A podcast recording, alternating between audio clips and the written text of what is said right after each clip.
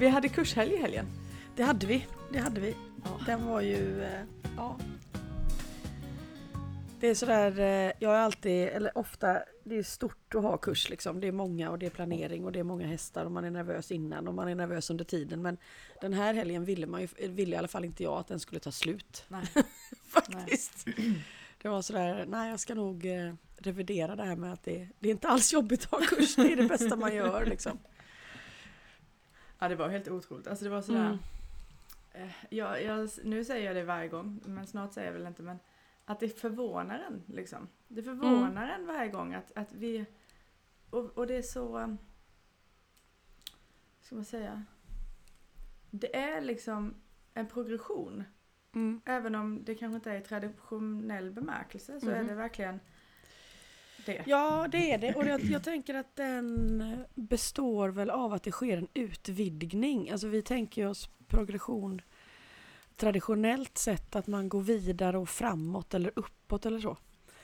Eh, Men i förhållande till motsatsen då. Mm. Men här, eh, eftersom man har tagit bort den motsättningen så blir det ju eh, mer, det blir en Precis. ökad rymd. Precis. Och det förändrar referensramen. Mm. Så dels kommer det ju plötsligt in övningar som inte hade fått plats i ett trängre rum. Eh, Och dels upplevs övningarna från an, ett annat perspektiv då för att referensramen är flyttad, tror jag. Mm. Men jag vet att jag blev förvånad. Sen vet man ju inte, kan ju inte räkna med att det fortsätter i all evighet, eller så gör det det. Men jag vet att när jag skrev ner särskilt den här övningen som handlade om att sitta bortvänd Mm. så vet jag att jag blev förvånad också. Så, Oj, ja, det här hade jag aldrig, det här hade jag aldrig kommit på. Liksom.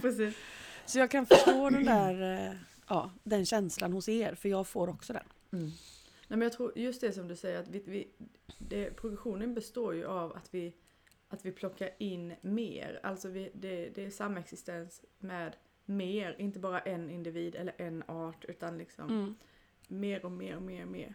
Men också tror jag att det, jag kan uppleva en progression i mig själv eftersom att jag efterfrågar det. Mm. Absolut. Och det Mm, är ju, sant. det är ju liksom en, en följd av kursen. Mm. Eh, men så det blir den där ja, vad ska man säga, Mm. spiraleffekten. Mm. Det är lite häftigt. Ja, absolut. För då, då har det liksom landat lite tänker jag i, Mm. i systemet på något vis. Ja, och det är väl också det att... Hur ska man säga? Alltså vissa, vissa moment är ju alltid väldigt tunga och hopplösa. Liksom. Alla elever går ju på något sätt igenom att jag klarar aldrig det här, alla andra kan. Det är helt tröstlöst, det är lika bra att skita i det. Sådär. Det gör Sen man ju är- hela tiden. Ja, Sen är det på något sätt att belöningen för det där, eftersom vi då har tagit bort både straff och belöning, men, men eh, liksom konsekvensen av att man ändå gör det där då, kommer ju inte som ett omedelbart resultat, vilket ju då ökar känslan av det här är ingen idé. Mm. Men sen händer någonting annat liksom. När som helst. Ja, en vecka ja. senare i ett annat sammanhang.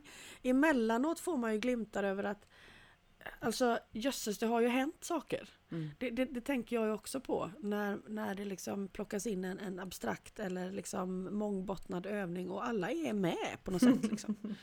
Även om såklart som vi har sagt att det är alltid någon som inte är det i, i den bemärkelsen att man inte upplever en egen eh, ett, e- en egen direkthet i det men det kommer ju ändå att förändra rummet för gruppen till exempel. Mm.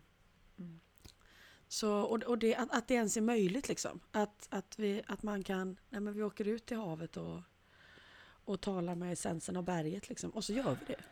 Ja. Det, det är väldigt, eh, Ja. ja. Alltså bara du påminner mig om det här Mm, tjuren, sicken, sicket ställe. Alltså mm, vi om man nu tänker som vi gör så, så är ju allting sicket ställe. Men, ja. men just nu där jag står så är det där verkligen eh, ett häftigt ställe att få vara på. ja, det är det. det är det. Vi var där på Tjurepannan med barnen igår kväll. För att de ville bada. Och nu är det ju så pass varmt att det funkar. Liksom. Mm. Mm. Även i ett sånt yvigt hav. och eh, ja, då tänker man ju det igen. Är det, är det här möjligt liksom? Är Mm. det här på riktigt mitt liv? Ja. och sitta här? Ja. Eh, tacksamhet för det. Ja, och det som Mm. vi också var inne på att, att man inte behöver mer. Jag vet att vi sa det både Mm. där och sen i en av övningarna med hästarna. Vad, vad hade liksom eh, vad annorlunda det hade varit om mänskligheten hade, hade sett, känt just sådär med någonting Um, för det, det är svårt med orden här nu för det är till synes litet samtidigt som det är mm. så stort liksom. Men... Det, det, är svårt med orden för att det blir, riskerar att bli platt. Men, ja.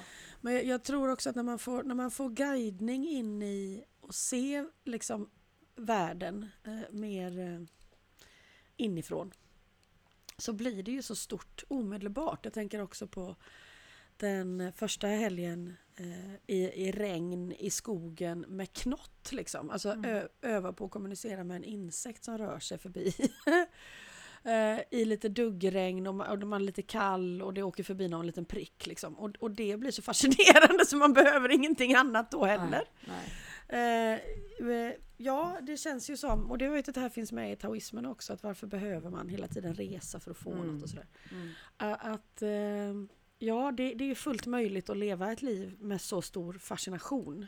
Mm. Om man verkligen eh, ger sig den på att öva liksom. Mm. Lite som du sa, att jag, bestäm, jag har bestämt mig för att jag vill det eller för att jag önskar mig det. Eh, så, så har man ju hela universum där man befinner sig och mm. mer därtill liksom, dessutom. Mm. mm. Det är ju ett, det här överflödet också. Det kommer ju inte bara en insekt. Jag hinner inte prata med alla. det, det är liksom, eh, ja. Det sjuka det, jag tänker att mänskligheten med den sortens fascination och, och nöjdhet behöver ju, skulle ju minska resursanvändningen drastiskt i samma sekund. Ja, liksom. ja precis. Så, så är det.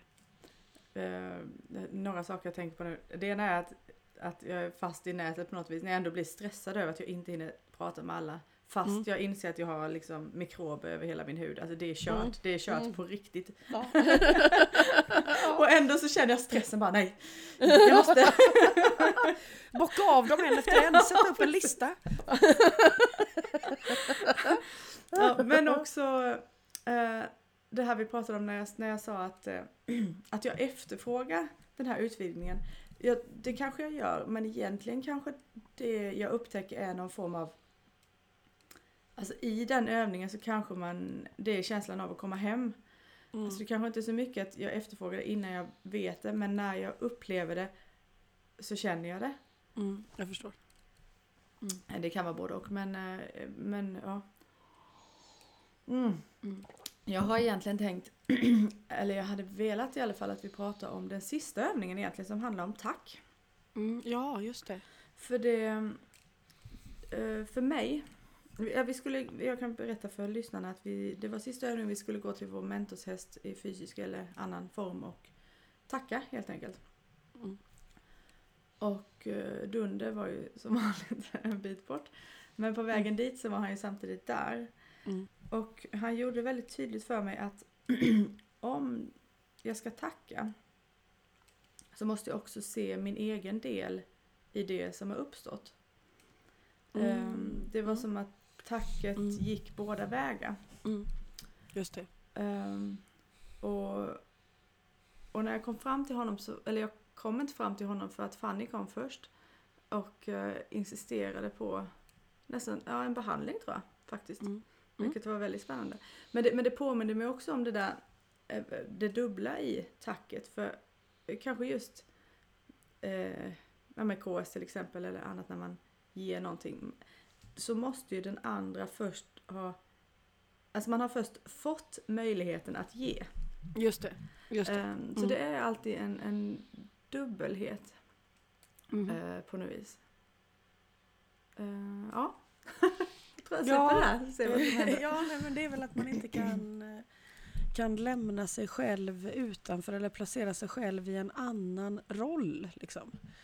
Utan jag, jag kan inte är jag den som tackar så är jag ju också den som tar emot ett tack. Jag kan inte göra bara det ena. Liksom.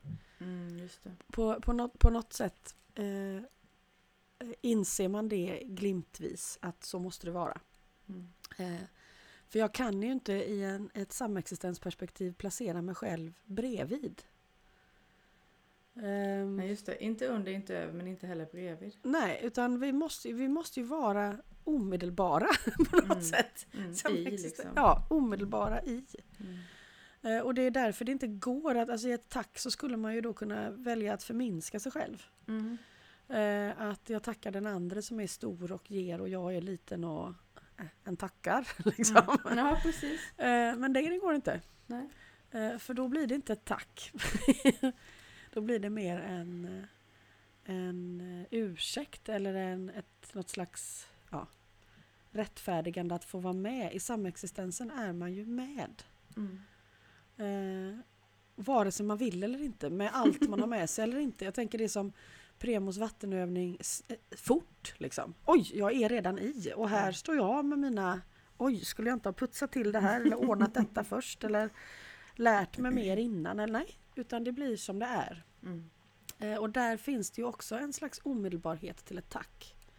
För den ofärdigheten också på något sätt. Mm. Mm. Ja, precis. Mm. Alltså det, det... Ja, för att annars hade det ju bara varit yta liksom. Ja, annars hade det varit yta och det hade varit en slags eh, social konstruktion. Liksom. Att Mm. vad, om, om jag tackar dig så händer det här och det här i rummet och då kan vi sen och så vidare. Här, Mm. här är det ju egentligen innerst inne utan en anledning. Mm. En anledning. Mm. Ja, just det. Ja, det var mäktigt. Eh, jag, Mm. eh, jag är lite, lite sådär disträ idag, så därför tänker jag ta hjälp av lyssnarfrågor. Mm. känner jag. Och vi har faktiskt en på det här med insekter. Eh, Ja. jag, ska bara, jag ska ta fram dem. Det är Angelica som frågar. Har ni, ja, har ni lätt att kommunicera med insekter? Till exempel flugor, myggor och knott. Jag upplever inte någon kontakt alls med dem. När jag försöker kommunicera med dem blir jag bara frustrerad. Det ligger såklart hos mig förstår jag. Men ni vet om man har flugor eller mygg i ett rum där man ska sova så hittar man inget sätt att be dem flyga ut. Mm, Men där är det väl för att man vill någonting. Det, det tänkte jag också. Det är den här Ehm, ständiga träna ja. flugan. Ja, ja, precis. Eh, jag tänker att så fort jag har en önskan om den andra så har jag ju skjutit den ifrån mig. Liksom. Mm. Eh, Då handlar konversationen om mig och vad jag vill. Egentligen vill jag inte möta den andra. Egentligen. Jag vill egentligen bara att den ska flyga iväg. Mm. Ehm, Alltså det där, det där är så himla stort och jag tror det har tagit Mm. lång tid för mig att, att fatta det. Jag vet när jag Mm. slutade som parallellinstruktör Mm. så, så fick jag liksom eh, söka inspiration men det var väldigt tydligt då att ehm, det, det fanns många fina ord men allting gick ut på samma sak. mm, Ehm, mm. och, men, men det som var positivt i det var ju att jag fick syn på att jag såg det. Ja, absolut. Ehm, Ja, jo för någonstans där underförstått så har man ju ändå då att det finns ett slutmål och men man, man eh, har hittat en upplever sig ha hittat en, en vänlig väg liksom. Mm, precis. där vi kan eh, göra det vi önskar och vill eh, och den andra mår också bra mm, eh, och så kan vi ha kul. mm. Eh, men det handlar fortfarande inte om det, det renodlade eller genuina intresset för vem den andra innerst inne är. Och där kanske Mm. vi, alltså där, jag, tror, jag tror också ordet kommunikation någonstans har ställt till det för mig i alla fall. Mm. För då, alltså sen blev ju det lite annorlunda när jag fick barn och insåg att det spelar ingen roll att de förstår vad jag säger, det är inte säkert att de vill göra det ändå. Mm, Alltså det blir så väldigt tydligt. Ja, det är sant. Men, men ibland, ibland så tror man, ja, men om jag bara om jag säger till flugan, flyg ut eller så dör du. Men Mm. alltså det, det är ju inte säkert att det går fram ändå. Um, Nej. det, för det är ju inte det, alltså det är ju Mm. någonstans, det handlar inte om det om vi ska, om vi ska renodla vad vi försöker öva på. Ja. Nej, jag vet att jag hade en, en situation med en mygga en gång. Eh, där en mygga kom, stack mig på armen, jag tror jag berättat om detta.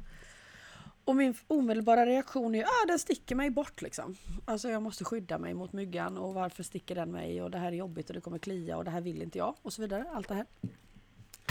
Tills jag plötsligt sådär, men är inte jag lite snål nu? Ja, alltså, den här, det är inte mycket blod den här individen begär liksom Mm. för att överleva.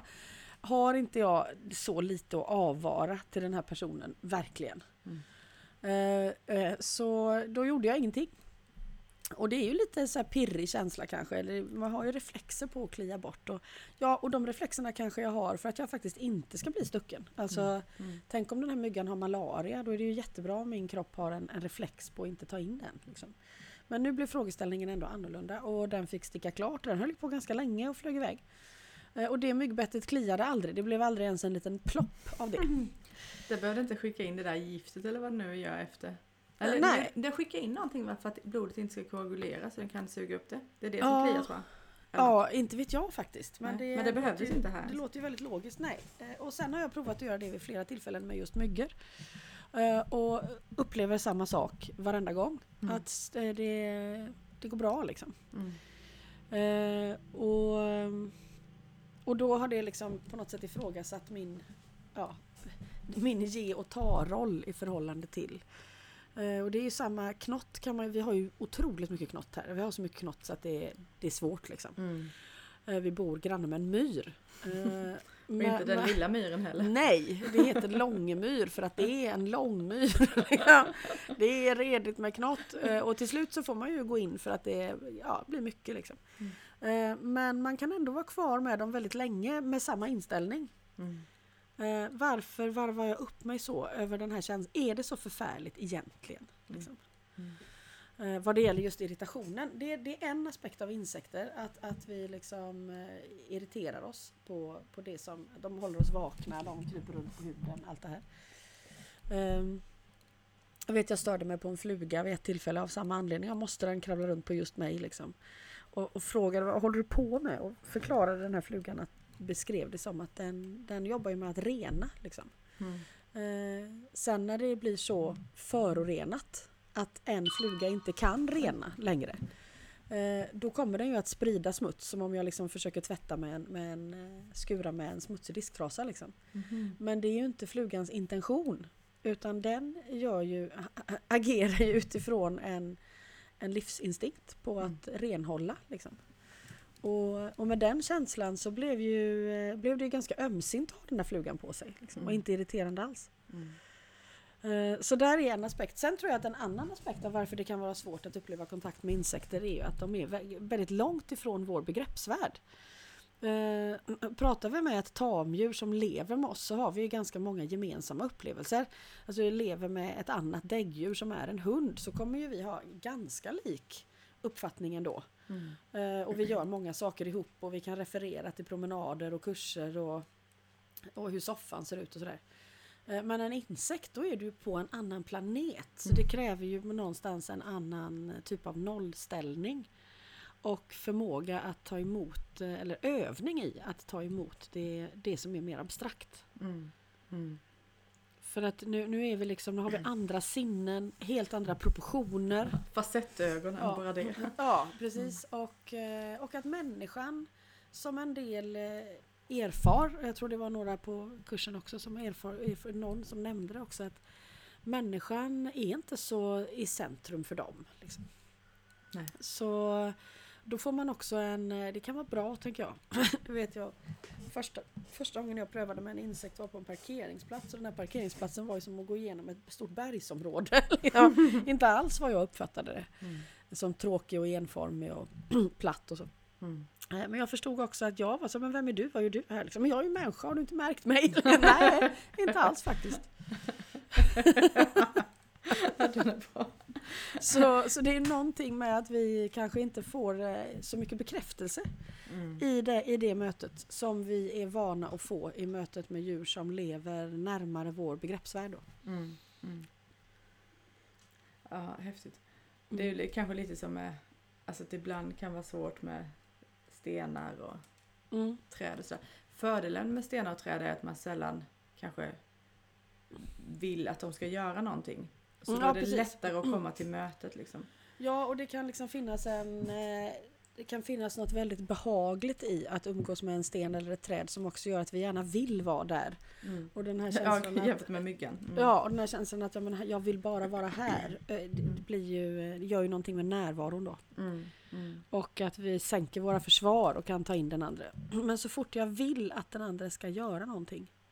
Jag får ganska ofta frågan, händer det aldrig att du möter ett djur som inte säger någonting? Och det kan man aldrig veta om det kommer att hända, men hittills har det inte varit så.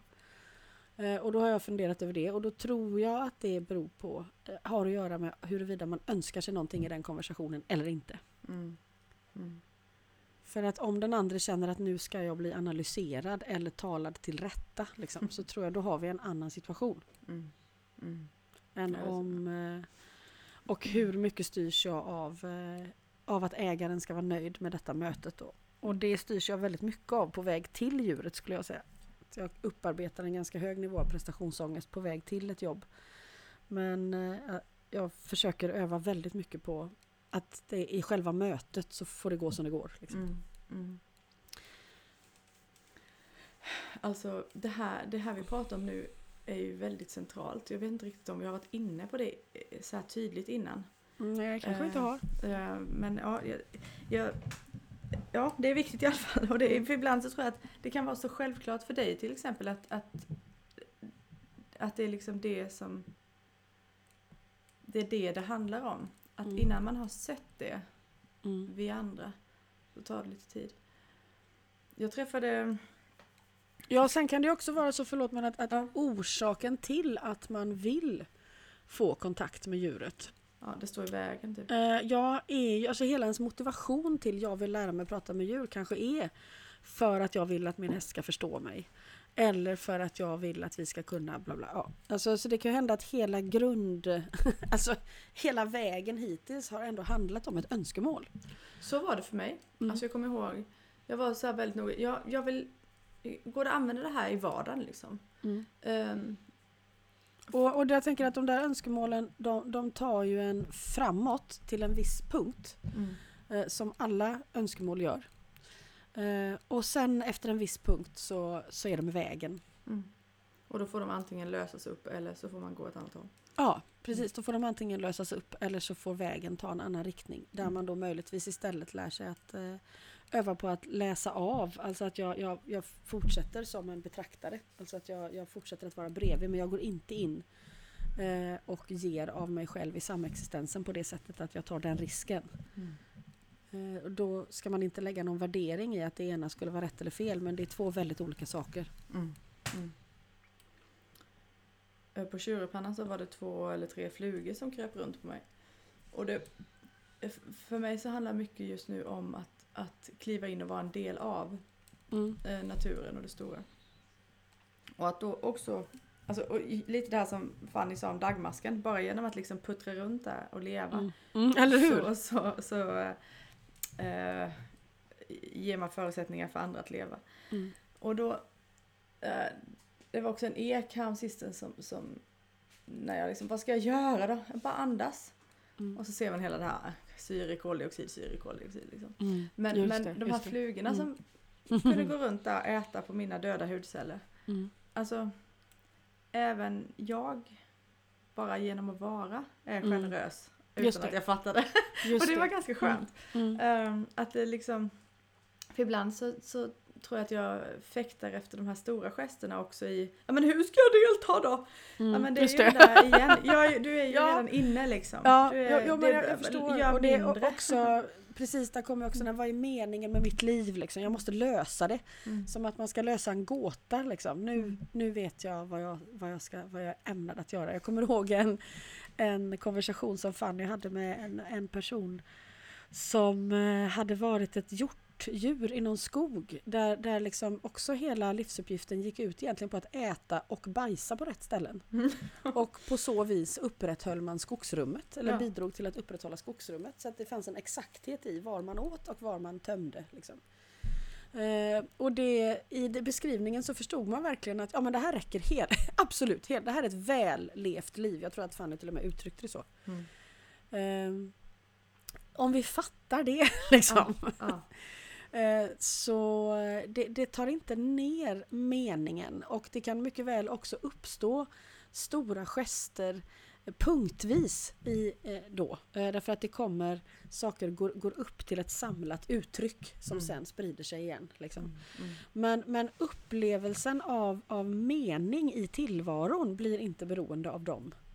Nej, Liksom. hängs inte längre upp på de här mätbara där händer det liksom. Mm. Nej, det händer hela tiden som du säger. Du, Mm. du är redan där, du är redan Mm. med liksom. Du sitter redan i båten, det är, där, det är den där känslan av omedelbarheten. Man, ja, Mm. det, det sker redan. Mm. Take it or leave it liksom. Du är den du är och du är redan med. Mm. Det, det, det är liksom skönt och hisnande på vis. Ehm, ja. Och, då, och då blir det ju så spännande för att då blir det ju då att, ja, men att ligga där på klippan med den här, de här tre flugorna som klättrar runt över den. Ja, du kommer ju förmodligen aldrig glömma den händelsen. Den har ändå blivit stor liksom. ja, precis. Ja, det, precis. det, det är väldigt roligt. Jag kommer ju aldrig glömma den här, det här, jag kan ju inte ens namnet på den här insekten som kravlade runt på den här parkeringsplatsen utanför det där köpcentret, men jag kommer aldrig glömma det liksom. Nej, nej. Eh, Så vad är en stor händelse då egentligen? Nej, precis. Och Mm. du fick mig att tänka på, på den där första kurshelgen i år. Eh, när, vi, när vi just var där ute i skogen när det var regnigt och knott. Eh, då, då skulle jag resa mig och gå. Jag hade legat där i mossan och jag, det minns jag inte exakt. Men jag hade, ja, det var ju Mm. lite olika insekter där. Mm. Men reste mig upp, bara står öga mot öga mot, med ett spindelnätstråd som Mm. hänger ner. Ja. På, på den här tråden Mm. så hänger det vattendroppar Wow. som små skatter. Mm. Och nå- ett litet löv längst ner tror jag, som får Mm. det att snurra i vinden. Alltså, Man får lite rysning bara. vem beskriver fan det. hade sett det i vårt Ja. vanliga tempo liksom? Mm. Det krävdes ju allt det där och så, så fick jag ju Mm. bara stå där Mm. och titta på det här liksom skådespelet som, Mm. som värde vilken opera, operascen Mm. som helst liksom. Mm. Eller hur? Och någonstans är det ju vårt, då tänker jag att vad är konst liksom? Eh, det är en omöjlig fråga såklart. Men jag tänker att, att behovet av att, att dela en sån här stor händelse som du nu gör, som ju påverkar mig väldigt starkt. Eh, det är ju konst, eller hur? Mm. Ja just det. Det är det. Och Det är, kanske ju är, att, det... det är ju att mitt tillägg i berättelsen, antingen för att jag tar ett exakt foto eller för att jag gör en abstrakt, liksom mer personlig tolkning av händelsen. Men det berikar ju rummet. Liksom. Ah, ja vad fint. Händelsen och min, mitt tillägg i delandet. Liksom. Ja, vad bra att du sa det Mm. för jag var precis på Mm. väg att säga att konst bara är att vi försöker härma naturen. Men det är det ju Mm, inte. nej, det är inte konst det. blir Det är inte det. konst när vi lägger till Mm. vår egen. Ja, Mm. ah, jättefint. Och, då, och då vet jag att det, det, det är ju djur inne på ibland. Att vad är, vad är det med människan liksom? Eller det är ju inte bara människan utan djur är ju också djupt poetiska till exempel. Men, men eh, att, att det finns en, liksom, en innebörd i att utöva konst. Och då Mm. behöver man ju som sagt inte ha en för oss mätbar talang på det området. Alltså man målar bra eller sjunger fint eller så. Utan Mm. det är ju att min eh, inre glöd i att förmedla. Mm. Vil- Vilket ju du gjorde nu. Ja, Du, för du, du tog ju med mig dit. Liksom. ja. Konst i en podd. Eh, Och, att det, och att det verkligen spelar roll. Att det är liksom sådär, ja men det... det jag kommer inte ihåg liksom ordagrant beskrivningen av det där. Men just att... eh, Och jag vet att när teaterkursen har haft någon möte någon gång att det kommit, men det är ju historia, det är ju delandet av historierna som är... Det är därför vi är här på något sätt. Eh, Va- va- vad för, att, för att uppleva och för att vi inte kan låta bli att berätta det för någon annan. Liksom. Mm. Alltså vi måste nästan göra lite reklam för dem. Den här teatergruppen. Vad heter den? Gävleborgs scenkonst? Uh, så? Järlesborg. Järlesborg. Mm, Ifall det finns folk som är... Ja, vad heter de? Scen... eh, Måste Något ju veta sånt. vad de heter, vi träffas ju jämt. Ja, Scenstudion, scenstudion i. Järlesborg. Ja precis. De, att eh, där händer det. spännande saker. Ja, jag har ju bara varit med på ett litet hörn en gång men det, Mm. jag har träffat några av dem. Det är väldigt spännande för det är så, där kommer vi så här fyrkantiga hästmänniskor, stela och jävliga, vågar inte gå ut på scenen liksom och så får man möta dem, bara det. Ja. Det, det är ju alltid, alltså jag tänker att det är ju alltid väldigt bra att möta någon som är utanför ens värld. Ja.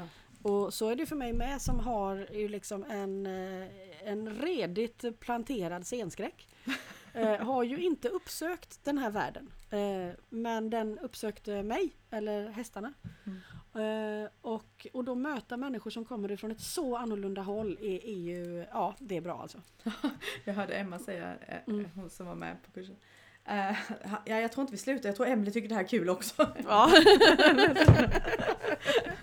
ja, nej, men det är ju sådär apropå det här att det där hade jag aldrig tänkt på. Det hade aldrig, den här ingången hade jag aldrig sett. Nej.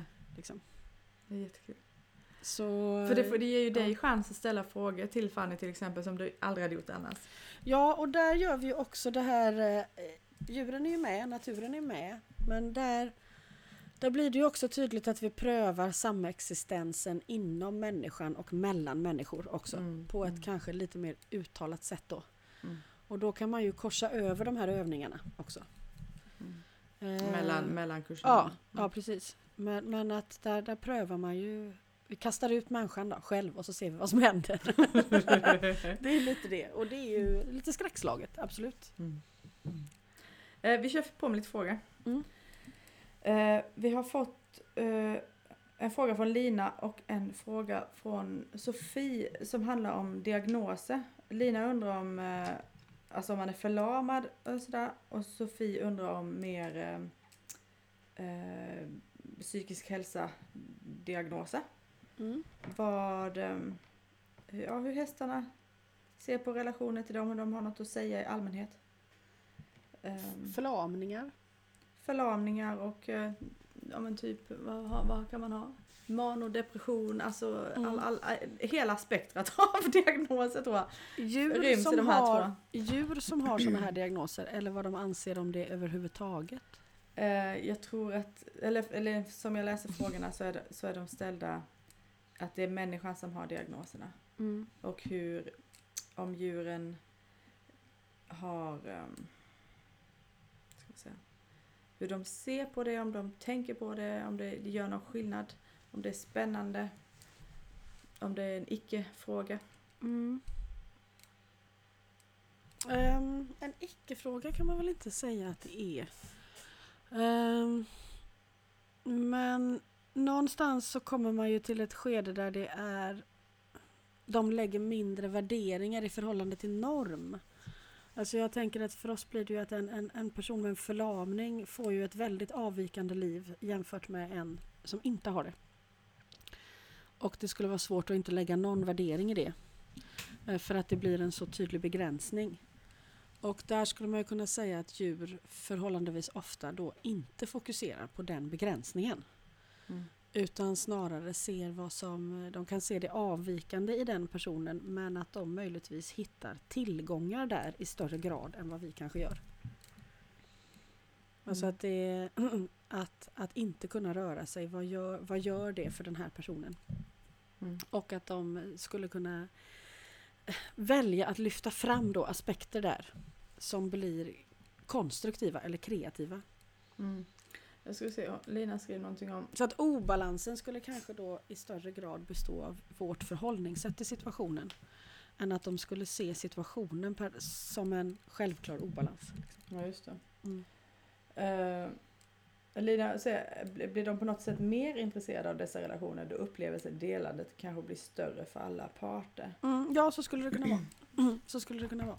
Det är särskilt om den som kommer med, med diagnosen eh, har, har genom den vägen som den diagnosen har inneburit har mindre att förlora i mötet.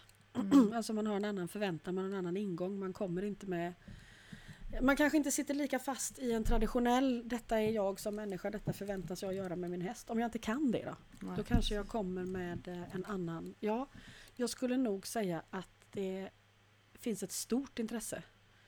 Ett stort Mm. omedelbart intresse hos många djur när de får frågan att möta en människa med eh, den sortens avvikelser. Liksom. Mm.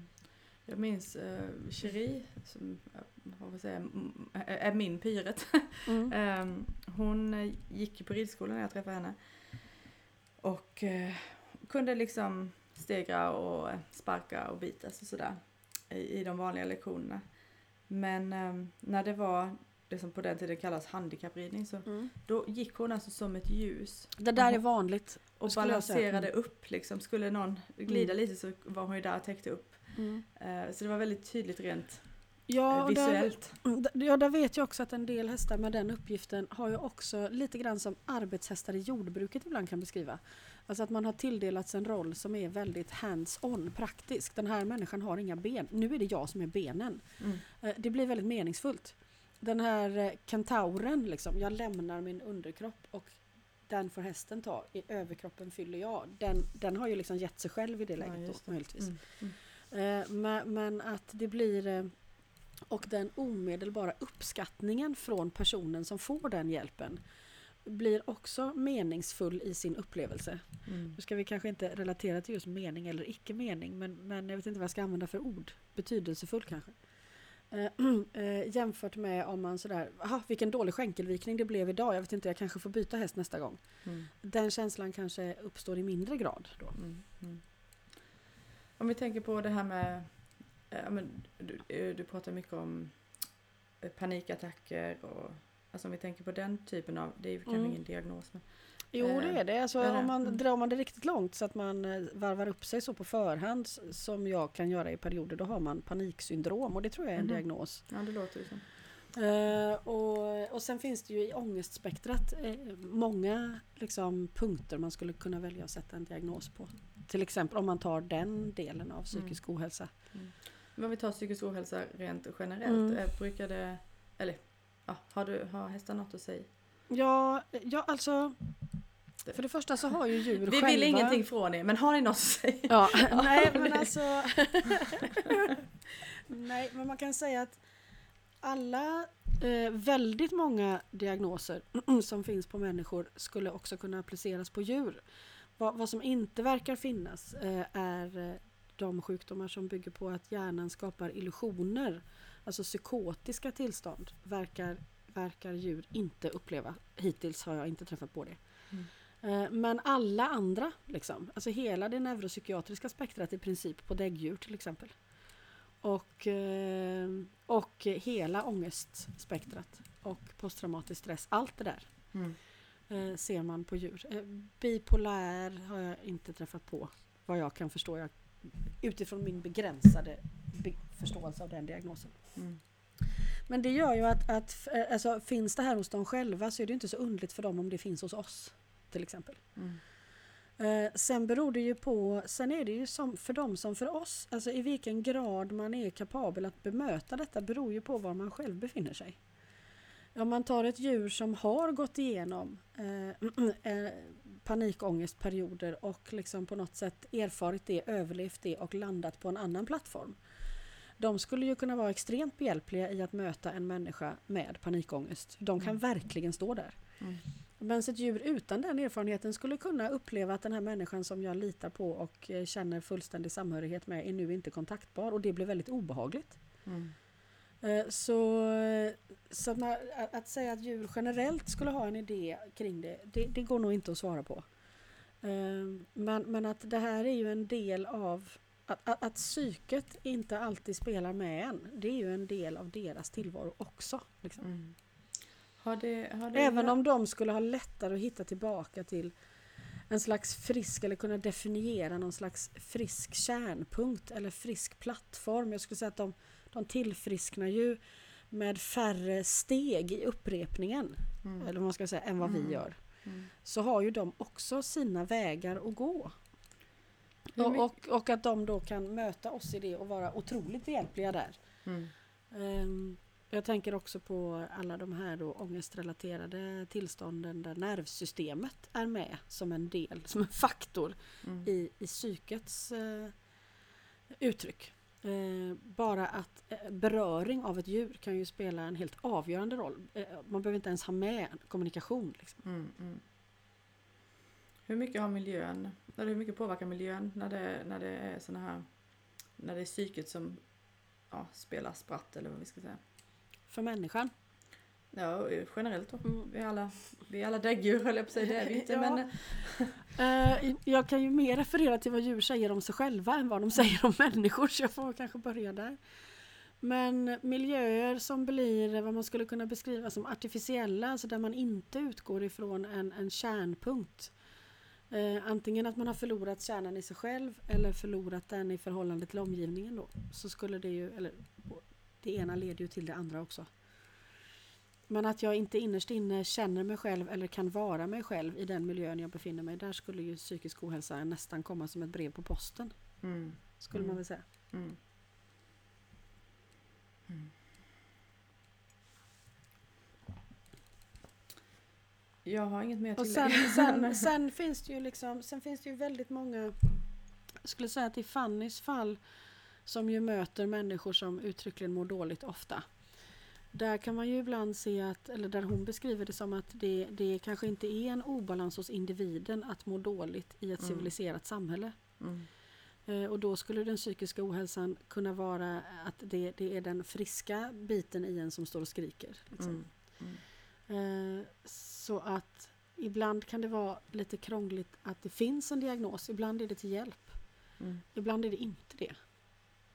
Eh, Utan då kan hon ju liksom säga att försök, försök inte lösa det här. Det, det, det är inte den du måste vara för att klara den här situationen är kanske definitivt inte du. Mm. Så klarar man inte att leva i stan utan måste sätta sig i skogen. Det är, var ligger obalansen? Alltså jag tittade faktiskt på ett tv-program igår eh, som handlar om just det där. Där, där, alltså, där man också nu då vetenskapligt väldigt tydligt ehm, kan mäta eh, vad som händer i kroppen när vi är i skogen kontra i stan. Mm. Och i stan till exempel, alltså de, de kunde Aktiviteten i amygdala, nu har jag glömt exakt vad amygdala gör men det är en del i hjärnan i alla fall. Mm. Eh, Som handlar om den omedelbara känslan. och jag tror den, det är Mm. liksom alltså fara. Den, alltså instinkt den- och så ja. ligger där. Det är Eh. inte logik där. Nej det är inte logik, Mm. eh, men det, det är liksom rädsla, Mm. eh, ja, att vara på G liksom tror jag. Mm. Eh, Där kunde de till och med mäta aktiviteten i den korrelerade till hur stor staden var. och, men, men i, liksom, i skogen var den helt, alltså det var helt chill. Mm. Eh, och sen, ja, och sen alla, alla möjliga andra så här, ni vet mäta stressnivåer och sådär. Mm. Men, men det är en sån enkel sak egentligen. Vi är ju, vi är ju evolutionärt, vi, vi är ju liksom inte gjorda för att bo i en stad. Eh, rent, Nej, eh, precis. om man kollar Mm. genom tiderna. Eh, Så är det absolut. Sen tänker jag på eh, jag tänker på två saker. Dels tänker jag på hur smart min förläggare är som när jag fick panik på bokmässan. Mm. Skulle signera böcker. eh, Säger så här. Och det vimlar av människor. Och jag känner att nu, nu löser jag det snart inte längre. Och så ser han det och säger så här. Men eh, du kan ju bara se dem som träd. som rör sig. och det, ja, det funkade ju. Ja. Han hade ju så rätt då, förstår jag nu också. Amygdala precis. svarar med en gång på den bilden. Eh, sen tänker jag på en annan aspekt av psykisk ohälsa som är viktig att belysa där djur far illa av människors psykiska ohälsa, för det träffar jag också på. Mm. Det glömde jag. Eh, och det handlar ju om när vi själva saknar sjukdomsinsikt. Och en del av psykisk ohälsa är ju det, att vi har tappat eh, liksom, eh, omfamningen av vår begreppsvärld och inte längre har en, en klar självbild. Man skulle kunna säga att alla obalanser består någonstans av att vår självbild svajar i förhållande till realiteten i helheten. Eh, men det där kan ju gå väldigt långt eh, i vissa psykiska tillstånd. Mm. Eh, och då kommer man att projicera saker på sin omgivning. Och när man då projicerar saker på delar av ens omgivning som har en hjälplöshet i förhållande till en själv, alltså tämjda djur eller små barn till exempel, Mm. eh, så kommer ju de här individerna att riskera att ta skada av det. Mm. Så det är ju inte alltid så att det sker ett klarsynt möte där djuret ges möjlighet att hjälpa personen. Det kan också bli tvärtom. Alltså det där är, Och det ska man ju ha respekt för också då. Och jag Ja. träffar ju en hel del djur som har blivit traumatiserade i sådana situationer. Och Alltså sen behöver då hantera de minnena. Precis som, som om man har levt med människor som har eh, drogmissbruk av något slag till exempel. Mm. Där det också blir så här. Kan Det är, bli så, så. det är en väldigt tragisk situation det där på alla, alla Mm. plan liksom. Mm. Ehm, ja. Ja, den är tragisk på alla plan. För att det Mm. finns liksom inget förö ingen förövare egentligen. Det finns bara Nej. offer. Mm. Eller det finns väldigt mycket lidande Mm. helt enkelt. Mm. Vilket gör det smärtsamt. Mm. Eller tragiskt. Mm. Vi löser inte den nu, vi tar nästa fråga. Nej, alltså man, lö man löser den ju inte därför att det, det behövs ju att alla individer får eh, vad man kanske sk eh, skulle kalla för professionell hjälp. Alltså att hjälpen består av individer som verkligen kan ämnet. Mm. Och att i de här fallen kan man ju då behöva ta isär djuret och människan så att de får hjälp på varsitt håll helt enkelt. Mm. Mm. Så kan det vara. Mm. Det för oss lite osökt in på nästa fråga för det handlar om frihet. Mm. Eh, vad innebär frihet för hästar? frågar Anna. Hon tänker Mm, såklart att det är olika fråga. för olika individer. Ja, Men mm. om man kan sammanfatta något, vad skulle frihet då vara? Mm. Ja, det, det är en jätteintressant fråga. Vilken ände man ska börja i. Men, men ofta så är det väl så att när man är i den här helheten som vi har pratat om, man är med. Liksom, och någonstans så fyller man hela tiden en roll där. Och någonstans är man designad med ett antal instinkter som gör att man med en omedelbarhet fyller den rollen utan att behöva tänka på det. Så att man deltar utan att det måste ligga ett beslut bakom. Och då är, har ju hästen en design då såklart som alla andra arter. Eh, där, vi, där det finns element som vi vet om. Alltså ett, eh, en omedelbar flykt. Ett behov av att då eh, kunna se och röra sig på stora ytor och så. Och eh, om man lever i en miljö där de här instinkterna eh, kan, kan fortgå ostört. Alltså, vad ska man säga? Där man kan vara den man är designad att vara i sin blueprint i förhållande till helheten i evolutionen. Då skulle man kunna uppleva en frihet där. Eh, därför att man stöter inte på massa kanter hela tiden. Liksom. Mm.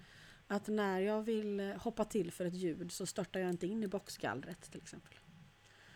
Eh, så det kan vara en frihet för någon. Mm.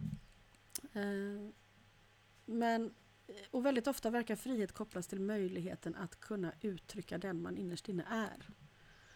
Mm. Eh, Och då kan det finnas en frihet i att man har hittat sin inre kärna så att jag vet vem jag är. Jag kan säga ja eller nej till rätt sak liksom i förhållande till, jag kan vara ärlig mot mig själv, jag kan vara ärlig mot omgivningen. Det kan finnas en frihet där. Men sen har du ju den, en frihet som går förbi den punkten. Eh, som handlar om den själsliga friheten då. Alltså den uppvaknandet i vem jag är i det icke-förgängliga. Mm. Eh, och kommer jag på vem det är, eh, då, eh, eller vem det inte är kanske är det man kommer på eftersom man inte kan definiera det. Jag tänker på Sander nu till exempel. Mm. Eh, som, som har, han har en gammal kropp. Eh, han har en, en tumörsjukdom som begränsar honom till viss del och så i det där så, så slår han sig totalt fri och blir inte beroende av yttre omständigheter alls. Eh, Därför att nu är liksom själen frikopplad och då vänder han om och menar att allt det som har begränsat hans frihet fram till den punkten har ju då varit till hjälp därför att det har tagit honom till den här språngbrädan där han sen har upplevt en själslig frihet som ingen kan ta ifrån honom vad som än händer. Liksom. Mm. Och där är vi kanske in lite Vilket, vilket, vilket liksom inte betyder att jag kan säga att nej, men då kan jag ha en, en häst med smärta instängd i en box. För han där, i den där fängelsehålan så kommer han att kunna befria sin själ. Ja, det kanske han kan. Men eh, är det, är det ändå... Nej. Finns det ett försvar till att liksom eh, ändå skapa en situation som är onaturlig? Där, därmed inte sagt att hästar i, i, alla hästar i en box upplever det som ett fängelse. Det får man ju vara snabb med att säga också. Mm. Men för att få en bild Mm. av en, en, ett begränsat rum. Mm.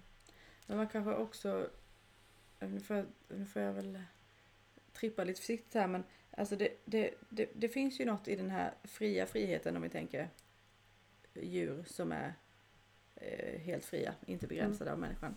Där finns ju kanske heller inte chansen till möte med just människan då. Nej. Eh, och det har vi ju varit inne på i olika omgångar att, att möten skapar värden och så vidare. Mm. Nu menar jag verkligen inte att, att det måste vara ett möte med en människa för det, det, vore ju, det hade ju inte funkat då. Mm. Ehm, och, och egentligen så antar jag väl att, att de kan vara på sitt sätt kan hitta den här själsliga friheten likväl som Sander. Mm. Får vi väl utgå från eller? Ja, ja absolut. Ja. Men Ehm, sen, sen, har det vi, som det är. Ja, sen har vi liksom hästar som, som vilda då. Mm. Som verkligen är har vad vi skulle säga ett extremt stort frihetsbehov. Eh, så som vi skulle beteckna frihet i form av valfrihet och utrymme. Liksom. Alltså hon svarar mycket fort och drastiskt på alla former av begränsningar. Eh, som vi då följaktligen släppte fri. Eh, och de första åren kom vi inte i närheten av henne överhuvudtaget. Jag var bekymrad över hennes hovar och då gick hon fram till mig, stirrade mig rakt in i ögonen och stod och skrapade mot en granithäll som hon stod Mm. på. Mm. Och hovarna var ju fina. Mm. Så, så det, hon löste det. Eh, Men sen en dag så menar hon att nej, eh, riktigt fri är hon inte ändå för hon kan inte välja. Hon är styrd av sina instinkter, hon kan inte bemästra sina instinkter. Mm. Och hon skulle vilja kunna välja. Eh, Varpå vi började öva på det stängda rummet då. Det stängda rummet för henne bestod av att jag kunde lägga armarna runt hennes hals, nemas problemas, jag kan hänga över henne, klia henne. Men låter jag fingertopparna mötas så att jag skapar en sluten cirkel runt henne så kommer hon att riva en vägg. Liksom. Mm. Eh, Och hon vill kunna välja och stå kvar om hon vill. Inte för att vara tillgänglig för mig utan för hennes egen upplevelse av att jag är också större än mina instinkter. Mm. Och den övningen, apropå det du sa om människor där, hade ju varit svår att göra utan ett rovdjur närvarande i form Mm. av mig då. Mm. Eh, Så, och då har hon liksom, upplever hon andra saker. Att kan hon styra över sina instinkter så får hon en, en frihet på andra plan. Då, behöver hon, då kan hon bli verkad i hagen ut, utan att behöva de gångerna hon vill ha hjälp med hovarna. Mm. Eh, Då behöver hon inte ha en byggnad som är designad exakt så att hon kan härbärgera sina instinkter utan att få panik. Och sen släpper man henne. Liksom. Mm. Eh, Och då kan man ju tänka att lyssnaren nu tänker att men det här kan man ju öva på. Och det kan man, men då, man kan öva på det genom att förminska och eh, instinkterna. Men det är inte det hon ber om. Mm. Utan hon ber om lika starka instinkter. De är inte styrda av mig, utan det är hon själv som kan gå in och styra över dem om hon vill. Mm. Det är en annan typ av frihet än Mm. att, än att eh, man är man, liksom manipulerad till att ens instinkter inte längre styr över. Ja, precis. Så hon har, hon har lika starka reflexer och lika starka instinkter. Men hon, eh, nu kan hon välja då. Är det lite liknande Willow eller? Ja, det är liknande Willow. Mm. Och sen kan man ju säga att bortom det så finns ju då den, den själsliga friheten som ju de här då går och nosar på så fort de har prövat den där första. Mm. Det är lite som, alltså i, männi- i människovärlden så pratar vi om känslor och att liksom man ska vara in touch med sina känslor och sådär. Mm. Vilket ju säkert inte är fel men sen, sen är det ju också så att vi är inte våra känslor. Mm. Där kommer ju också nästa steg i, i friheten. Alltså, Mm. Jag definieras inte av mina känslor, jag behöver inte Nej, styras av dem heller. Jag kan, man- jag kan uppleva dem och de om- kommer gå vidare. Men jag är inte dem. precis. Ehm, jag tror att har man tappat sin inre kompass för att man helt enkelt inte har hittat sin essens man har inte blivit mött som den man innerst inne är i syntesen av kropp och själ. Man har utvecklat en annan person och då har ens känsloliv i den processen tagit stryk på något sätt. Eh, när man då hittar tillbaka till någon slags inre vägledning, alltså jag kan lita på mig själv, då kommer känslorna att spela roll eh, som guider för mig. Mm. Hur känns det här?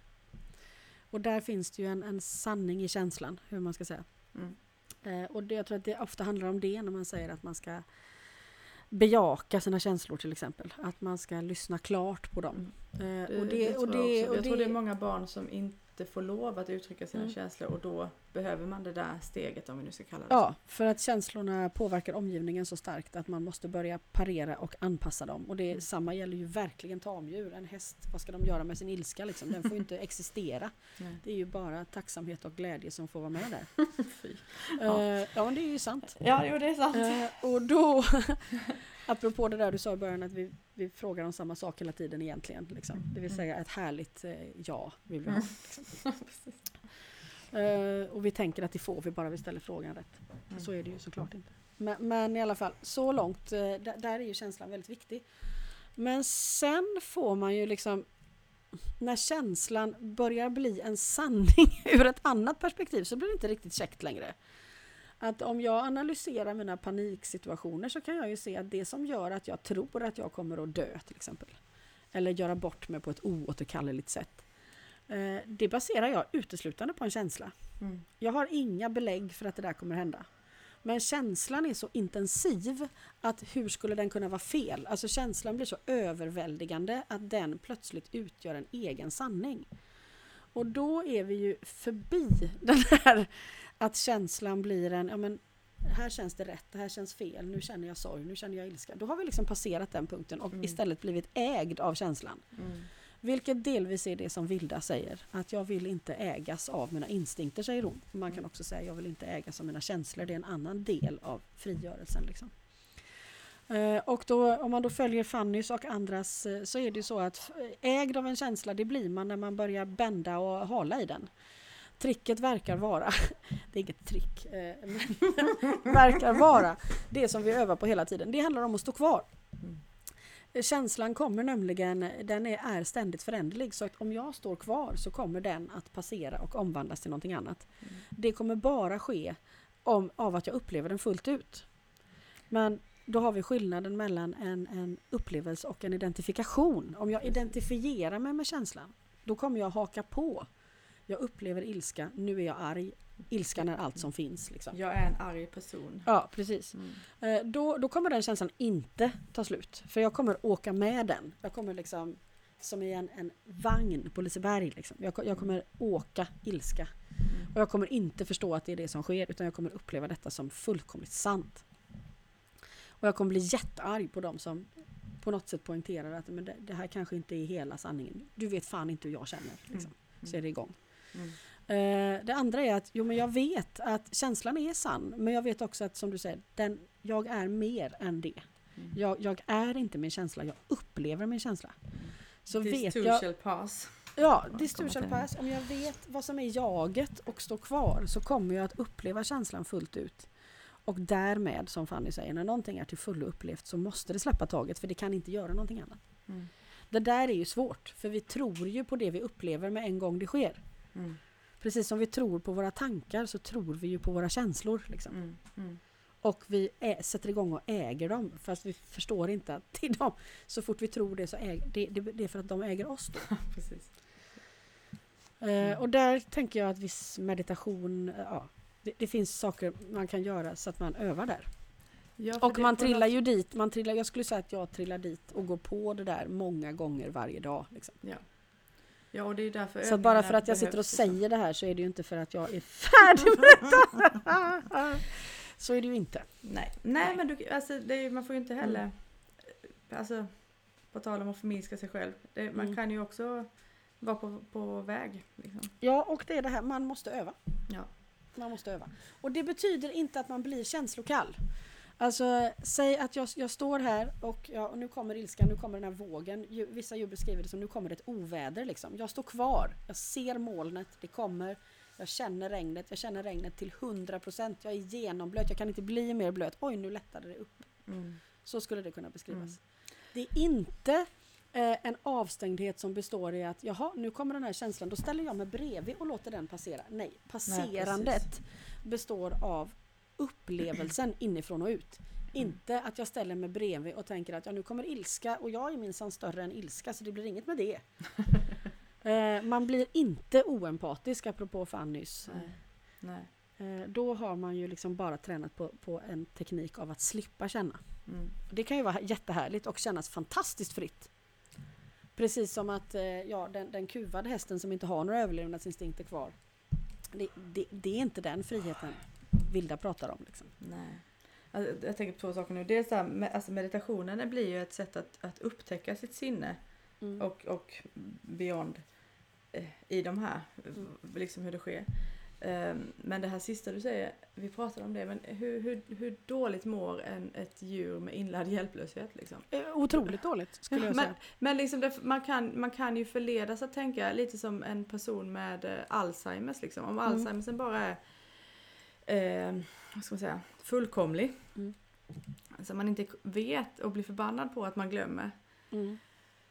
Alltså det är inte som ett, det är, det är klart att vi också inser det här att, att ett, ett djur med inlärd hjälplöshet mår dåligt. Mm. Eh, Så det man men- mår dåligt av är ju att ingen är där. Alltså, Mm. För att må bra så måste du ju kunna känna någonting ändå. Eh, alltså det finns ju ett tillfälligt bra mående som består av smärtlindring. Mm. Alltså det, om du lider av en, en, en extrem, eh, liksom, så man kan ju tänka att depression är någon slags icke-känsla, riktigt så enkelt är det ju inte. Utan det dåliga måendet är ju, känns ju som att någon vrider runt ens själ och sticker en kniv i det. Det gör ont liksom. Mm. Smärtlindring där är ju tacksamt alltså. Mm. Eh, eh, tillfällighet, alltså den här, nu släpper den, det är så här, du tar en, en Alvedon och huvudvärken släpper. Det är, släppögonblicket i, har ju en behaglighet över sig. Där kan man säga att man upplever att man mår bra. Men sen när du inte känner någonting, då kan du ju rimligtvis inte må bra heller. Då kan du inte må alls. Mm. Och det är ju det som händer i avstängdheten. Mm. Du har vinsten av att åtminstone slippa känna det här extrema lidandet och ibland är, krävs det för att man ska sätta ena foten framför den andra och inte kasta sig framför ett tåg. Liksom. Men, men det leder inte till att du mår bra för du mår Nej. ingenting. Nej, liksom. precis. Och det är ju det som händer med de, med de eh, kuvade djuren, alltså de, de hjälplösa djuren. De mår ingenting. Mm. Eh, Och det finns, en, det finns en, en smärta i det som ligger djupt och bakom och är svår att kanske definiera för det är inte som att ha skurit sig i fingret. Eh, Men, eh, men det, det finns en outhärdlighet i det här icke-varandet. Alltså det måste ju vara just det där, ja men levande död liksom. Ja, att det är någon absolut. annan som har, Mm. som har Ja. tvingat in mig i den Mm. situationen. Mm. Och den, den, det är ju det är någon slags gränslöst eh, obehagligt i det. Det är som att ha gått vilse i dimman liksom, jämfört Mm. med att vara instängd i en hiss. Där finns det ju ändå en energi. Det finns en... Eh, det, det är inte roligt att ha en panikattack men det, den är något. Liksom. Mm, ja, Det finns en energi i det. Du kan lära dig saker av det. Du kommer ut ur den. Du, du liksom, eh, man kan uppleva ett, eh, ett självförtroende. Liksom. Eh, i, I att Ja, jag trodde jag skulle dö men jag gjorde inte det. Jag kan kanske faktiskt lita på mig själv lite nu till och med. Mm. Du är med. Det finns ett du som upplever allt det här. Mm. I, i, i hjälplösheten gör det inte det. Inte i den totala Mm. upplevda hjälplösheten. Gör det inte det. Mm. Mm. Och den vägen är ju lång. Inte omöjlig. Men den, den tar tid. Mm. Mm. Jag vet inte, ska vi avsluta eller ska vi ta fler frågor? Det är lite tråkigt att avsluta på hjälplöshet och panik tycker jag. Eller? Ja, jag håller med. Men jag, jag har inte kurerat frågorna så det kan hända att vi får ta fler ändå om den här är lika deppig. Nej den är ju inte deppig. Alltså, den är Nej, inte deppig. nej. Men, men ja, det är ju också att ha lite respekt för att den här... Så jag tänker att måendet här är ju också att jag mår bra när den andra gör som jag säger. Det är ju det det handlar om. Mm. Det är svårt för oss att förstå hur dåligt den tyste mår om, om, om jag upplever situationen som så positiv. Jag slipper vara rädd för att ramla av för min häst kommer inte reagera på ett fladdrande löv. Det är en härlig känsla. Mm. Alltså det, det, här- Mm. det här med, med ehm, att hästar inte vokaliserar, alltså de är inte hundar. Som gör att vi kan göra väldigt mycket. Att vi kan ha dem i Ja. boxar egentligen. Ja, Eh, de skriker jämfört inte, de skriker inte när vi Nej. slår dem. Liksom. Nej, nej precis. Det och på vilken nivå vi än slår dem på Mm, så skriker de sällan. Det, Mm. ja. ja. Så, Eh, vi Har går till häst. skojig fråga? Nej, för nu är det halta hästar istället. Nej, men du skulle ju hitta något kul. Ja, Men jag, jag, jag, vi tar den här så ska vi se om det finns någon kul. Alltså, vi har Ehm. antagligen inga lyssnare med oss vid den här tidpunkten i alla fall så vi skulle lika gärna kunna sluta. Vi Ja. rekommenderar att man lyssnar halva avsnittet. Ja. det, Ehm, det skulle du sagt i början då. ja, ja, men det visste inte. Nej, Jag visste nej. inte vilket håll den här båten skulle gå. nej, men det kunde du anat när du kom till förlamning och psykisk ohälsa. Alltså, men, men till vårat försvar så är det här lyssnarfrågor tycker jag. Ja. Så, så det är väl några som lyssnar då. Ja. Ja. Eh, det här är Angelica som var på väg till veterinären Mm. och lyssnade på Mia-podden hela vägen. Mm. Eh, och då hade vi pratat, då pratade vi lite snabbt om halta hästar och vad Mm. det leder till i, i oss som är runt om. Mm. Vad gör man när hästen är halt? Och då menar jag inte när man vet orsaken och det går relativt enkelt att ordna hemma, till exempel en hovböld. Mm. Utan i de mer svåra fallen när orsaken är oklar och besvären är mer diffusa och kanske kommer och går lite. Mm. Ska man åka till klinik? Om ja, varför? Om man inte åker missar man då en chans att göra något bra för hästen även om det kan vara jobbigt just den dagen. Mm. Jag landade ju denna gång i att åka men en av hästarna, med en av hästarna men hade valt annat för en annan. Mm. Så som vanligt tänker jag man ju att det kanske beror på. men vore kul om ni vill diskutera det och ge Ja. er syn på hur ni hade gjort. Eller har gjort. Mm. Ja, alltså jag, jag tänker många saker. Eh, dels tänker jag på min uppväxt på en stor ridskola. Där hälta liksom var en, ja, det var ett ödesmättat ord liksom. Mm. En häst som blir halt, då kan det vara kört liksom. Alltså, nu kan det vara över för oss tillsammans till exempel. Ehm, och att hälta blir så Mm, fortfarande idag kan jag uppleva i jobb att det finns något svartvitt i det där begreppet. Liksom. Vilket också då riskerar att leda till att diagnosen har något svartvitt över sig. Det här är en kotledsinflammation, då vilar vi och så händer detta och sen gör vi så här och så händer det här. Och då skulle jag säga att en hälta är ju väldigt sällan den beror på en sak. Alltså den skulle kunna bero på en sak om du har sprungit fort i en kurva och stukat en led. Men hur läkeprocessen kommer att se ut för den individen kommer ändå bero på hur den individens balans i kroppen för övrigt är. Alltså vilken förmåga har den här hästen att avlasta denna skadan under läkeprocessen till exempel. Kommer ju avgöra, det kanske händer mer där då, det kanske lyfter upp andra saker till ytan och sådär. Så att en hälta är ju aldrig eh, jag tänker det går ju aldrig att pinpointa den till bara ett ben. Ja men nu har vi hittat, det sitter en pålagring här, nu vet vi vad det är. Eh, vi vet att den pålagringen finns och att den kanske spelar roll i sammanhanget. Men det kommer inte vara det enda som spelar roll i sammanhanget. Så risken med en klinik skulle ju vara att man möjligtvis då får en, en ensidig diagnos och risken är att följer man den så kanske följer man endast ett spår så kanske det inte leder till långsiktigt tillfrisknande. Men fördelen med att åka till en klinik skulle ju vara att ja, men nu vet jag att den pålagringen finns där, det visste jag inte innan. Och med ett kreativt tankesätt så vet jag ju då kanske mer om hur jag ska jobba runt den här pålagringen för att hålla min individ, hjälpa min individ att vara frisk så länge som möjligt. Liksom. Så, så att fördelarna med att, att liksom kunna pinpointa en diagnos är ju väldigt många om det inte leder till att man låser sin tanke. För då skulle det ju trassla till det.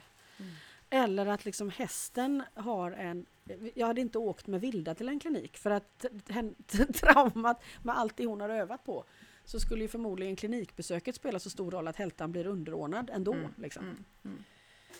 Mm. Eh, Så att man letar ju hela tiden efter en, en veterinärkontakt som kan hjälpa en att pinpointa de diagnoserna man inte kan ställa hemma, röntgen till exempel.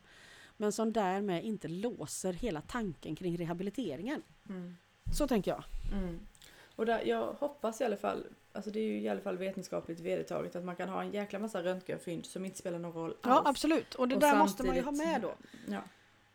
Det Man finns kan- vissa ägare som jag skulle vara, liksom. vara djurägare där jag skulle vara fundersam till om de hade haft nytta av att åka till en klinik. För att de kanske hade blivit så stressade och låsta av den här diagnosen att allt hade gått i stå. Liksom. Mm. Mm.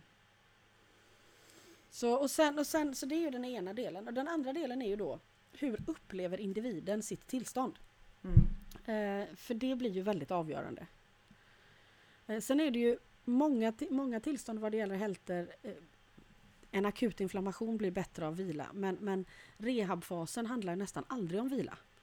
Utan om rätt rörelse precis som Mm. för oss människor. Och där kan man ju vara tacksam över att veta lite vad som syns på röntgen. Det vill säga hur mycket belastning tål det här benet utan att jag reaktiverar en inflammation. Mm. Det kan ju vara jätteviktig information i rehabsyfte. Alltså då kommer vi in på någonting Mm. som, som jag tycker att veterinärer eh, vad heter det? förespråkar eh, lite slentrianmässigt och det är boxvila. Mm. Jag, Jag har är väldigt, väldigt- för det. Jag har också väldigt svårt för det. Eh, alltså jag, jag tänker så här att med en fullständig vila så får du ju en, en snabb lindring av alltså det som gör att inflammationen bibehålls. I viss del kan det vara, alltså till viss del kan det vara så att lägger du då ingen belastning alls så kommer inflammationen väldigt snabbt att gå tillbaka. Mm. Alltså den, symptomet kommer snabbt att gå tillbaka. Men helheten kommer att påverkas negativt. Mm. Alltså alla de muskelgrupper som ska upprätthålla resten av systemet Mm. kommer att försämras av det stillastående. Så att när boxvilan väl är klar så har du visserligen en inflammation som har gått tillbaka men du har ett system Ja. som behöver ganska mycket hjälp. Eh, lymfa, och då- och då- allting. Ja, och då rörelsen. måste du på något sätt väga det där mot varandra. Eh, Mm. Och det är ju svårt. Mm. Där skulle man ju vilja ha en, en öppen och eh, liksom fri och prestigefri diskussion med, med människor som är kunniga inom ämnet. Mm. Eh, inte bara veterinärer utan andra yrkeskategorier som också är skickliga här. Mm. Eh, därför att i ett benbrott är det ganska givet. Alltså, ja, då är det värt Mm. att du tappar så mycket muskler för annars har du inte en chans att häva inflammationen. Men vid fång, då är vi inne på något annat. Mm. När jag träffar liksom fånghästar som har blivit stående på boxvila så är ju deras rehab enormt lång Mm. i jämförelse med de man träffar som ändå har rört sig det de kan i förhållande till inflammationen Mm. Mm. under processen skulle jag Mm. säga. Alltså jag tror att, eh, jag vet i alla fall, eh, vi hade en, häst som heter Balis som åkte in på klinik för att vi trodde hon hade lösa benbitar. Men veterinären ringde när hon låg på operationsbordet och sa att det finns inget brosk kvar i Mm. den här hasleden. Mm. Ska jag ta bort henne med detsamma? Nej, Mm. lappa ihop henne ta hem henne. Mm. Men, men det liksom, det var ju förtryckt liksom på den här eh, hemgångsråden, boxvila. Vi var tvungna att ringa. Det, det, det här är ju ingenting som kommer det lilla såret, är det därför hon går på boxvila? Mm. Annars är det ingenting som kommer läka här. Hon är ju, Nej. hon är ju liksom körd per definition. Ja, Ska hon verkligen stå i box också? Box, Ja. Boxvila på en led utan brosk skulle ju verkligen öka den punktmässiga belastningen så att hon skulle ju behöva snedbelasta sig mycket mer Mm. Om boxvila. hon står stilla hela tiden. eh, än om hon hade strövat runt. Och då Mm. får man ju säga, det här blir ju frågan, om det där hade dykt upp för mig på jobb så hade ju frågan blivit hur ont har hon? Mm. Eh, hur upplever hon själv? Och vad vill hon själv i förhållande till det? Veterinären har hon- i det här fallet hon- köpte ju, han, alltså han, Mm. han såg ju också att det var en rutinrekommendation liksom. Men, ja. Mm. Men sen, sen i det läget så kunde vi inte fråga henne. Nej, men hade man kunnat det och till exempel fått svaret att nej men det här går absolut att leva med. Ja men då Mm. får vi hålla igång muskulaturen kring. Eh, som gör att man då kan leva runt den här hasen. Mm.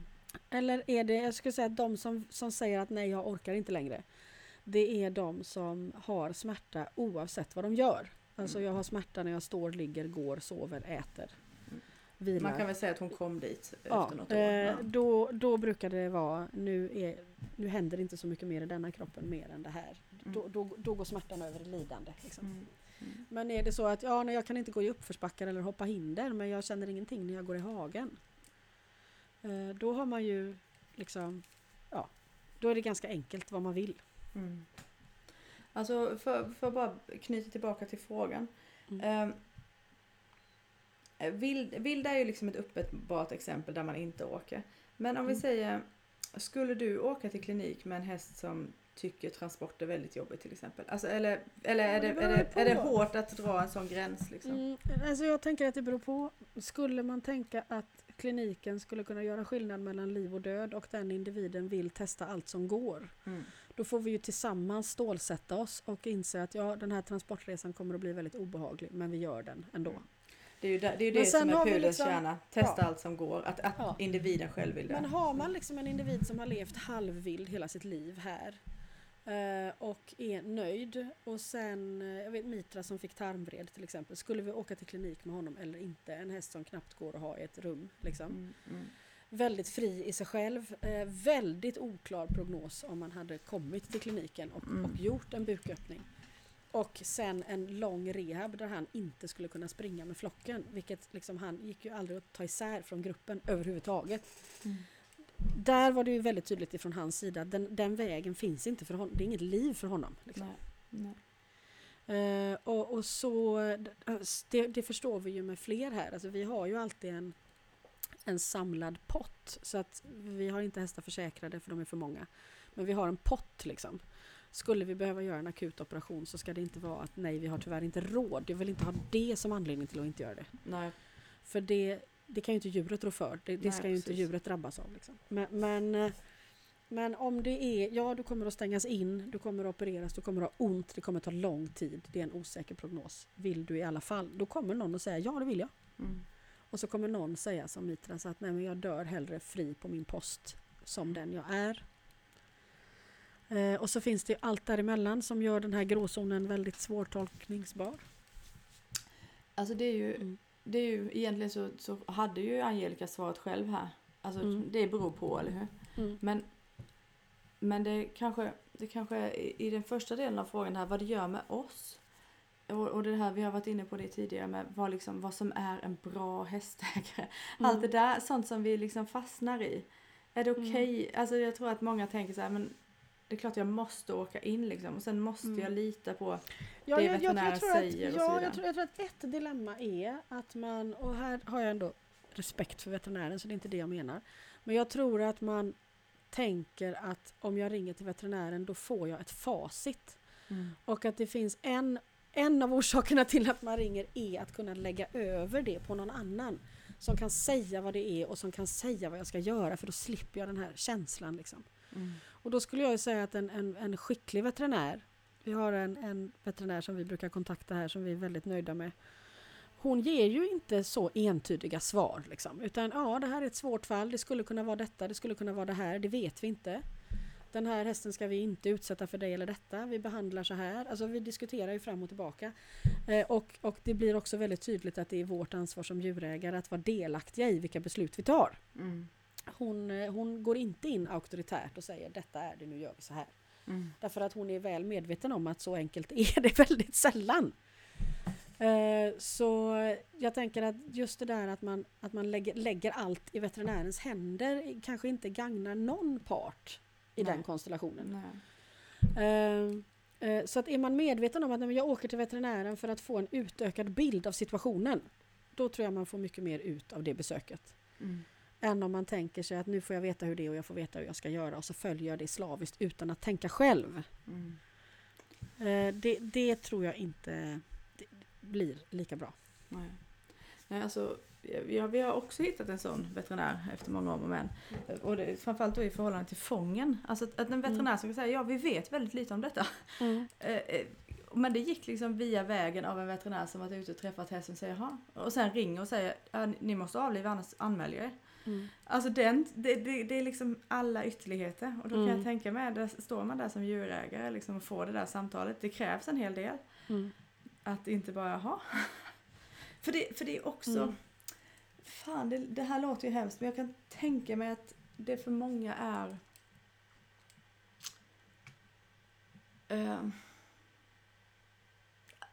men om det är svårt att stå kvar liksom. Så att Mm. någon bara bestämmer. Mm. Ja, framförallt för känslan. Det är det som är så otroligt. Alltså, du älskar det här djuret och så har det gått fel. Och tänk om du gör fel nu också då. Och så, Mm. går, och så, och så blir det ditt ansvar att den här individen som är en familjemedlem dör. Hur ska du leva med det liksom? Mm. Någonstans där handlar det ju, apropå känslor, faktiskt uteslutande om en själv. Ja. Eh, och då behöver du någon som kan se djuret Mm. utan dina känslor. Mm. Och den personen kan ju vara en veterinär. Mm. Ehm, Men då gäller det att den personen också kan ha en så stor neutralitet som möjligt och inte låsa tanken eller känslan kring att så här är det, det här har jag varit med om förut och det här kommer sluta på det här viset. Mm. Nej, det kan du inte veta för alla fall är unika liksom. Mm. Mm. Alltså jag har behövt uttala för mig själv att, att om det är så att någon häst, ja för det första då, inte vill ta alla möjligheter, inte Mm. vill åka till klinik och så vidare, att ja men då, då kanske det är liksom slut fast det eventuellt inte hade varit det om vi hade åkt in. Ehm, Efter den här diskussionen så låter det ju banalt men, men, men innan så var det så här, nej okej, men jag, jag måste acceptera döden som ett Mm. alternativ. Mm. eh, Kanske innan det, innan det hade behövt vara ett alternativ. Mm. Men för den individen i den situationen, Mm. Och det här är ju det riktigt, riktigt svåra mm, skulle jag säga. Med att Mm. leva med djur. mm, Där kommer du till den svåraste punkten tycker jag. mm, mm. Och Du får öva på Det- det mycket med alla djur. Ja, det är lätt att eh, liksom kämpa to the bitter end med någon som vill det. För då har alla gett allt och när det sen inte går då, då kan man alltid luta sig mot det. Mm, Sen har du de som säger nej, eh, den, eh, om jag kan befria mig från min kropp innan allt det så gör jag hellre det. mm. Och då Nej, ska man veta kan- att man hört rätt och allt. Ja visst, hur har jag inte feltolkat detta nu? Var det det här jag ville höra eller inte ville höra? Eller vad, ja, där någonstans sätter jag ju igång och strider med mig själv Mm. ordentligt. Liksom. Mm. Vilket du säkert ska göra också men Ja. någonstans så måste det, Mm. precis som du säger, man måste lika väl som att höra att en häst vill göra någonting som man själv inte vill göra. Mm. Alltså det måste man ju också kunna ta. Mm. Som att, som att man vill något men inte den. Ja absolut. Mm. Ja, jag Men vet inte om vi har ofta- några piggare frågor. ofta, nej men, men vi, kan ju, vi måste väl snart vara klara. Men Ja, jag, jag tror tänker, jag jag tror tänker också att, att det, det, det är också väsentligt att ta lite tid på sig. Alltså, Ja. Jag tänker både vad det gäller hältan och vad det gäller de här, vill den här individen leva med detta eller inte och så. Ganska sällan är ju de situationerna så illa att man måste fatta ett beslut på fem minuter. Ja. Det, du kanske kan släppa den här hästen, om den här hästen är, är, lever ett normalliv i hagen utan att göra helt extrema rörelser så kanske den kan gå och ströva runt i hagen medan man tänker. Mm. Det är ganska få saker som blir sämre av det. Liksom. Mm. Eh, och, och samma i de här fallen där vill jag leva vidare i den här processen eller vill jag lämna? Jag vet vi, jag var delaktig i en, en fantastisk hund som gick bort nu för några dagar sedan. Eh, och, och där vi hade många, vi träffades kanske ja, många gånger eh, i, i den här processen som har varit ganska länge. Liksom. Den här hunden har haft en kronisk sjukdom. Tills hon vid ett samtal beskrev det som att men nu är hon mätt. Alltså och Mm. mätt på det här som att du har liksom ätit en riktigt god middag med goda vänner och nu är det, ja, nu är du mätt på det där riktigt behagliga sättet. Du förstår, det här är hennes sätt att säga att nu, nu räcker, Mm. nu är jag klar. Liksom. Mm. Och då blev det en sån där otroligt lugn avlivning som det kan bli då. Mm. Mm. Eh, Men det var ett sätt att uttrycka det på som jag inte har hört precis på det sättet. Men där tog ju alla parter väldigt lång tid på sig. Mm. Till att eh, då stressar vi inte fram det här. De här människorna eh, tycker jag heder åt att de inte lät sina känslor ta över i detta. Utan de, de gjorde ju verkligen saker tillsammans då. Ja, men Mm. då jobbar vi mindre, då sitter vi tillsammans i soffan om det är det hon vill. Där kan man ju sitta och bara gråta då över hur hemskt det är. Mm. Men det valde de här människorna att inte göra. De grät säkert också, men, men det var inte det det handlade om. Liksom. Mm. De gjorde en båtresa och liksom åt god mat tillsammans det, den sista helgen innan avlivningen. Liksom. Mm. Mm. Så jag kan förstå den där känslan av att ja, men jag, jag, nu, jag, jag, jag går och lägger mig på kvällen efter den här festen och så somnar jag. Liksom. Mm. Det var ju så den hunden kände. Det var finare att avsluta på. Ja, där kan vi, där kan vi sluta. Ja, där slutar vi. Mm. tack för idag. Och tack för, jag tänker tack till lyssnarna för allt engagemang och frågor. Det är jättekul. Ja, absolut. Det är Väldigt tacksamt när min hjärna är borta med. Ens hjärna är ju alltid lite till och från, eller? Precis. Yes. Okej, tack så Okej. mycket. Hej.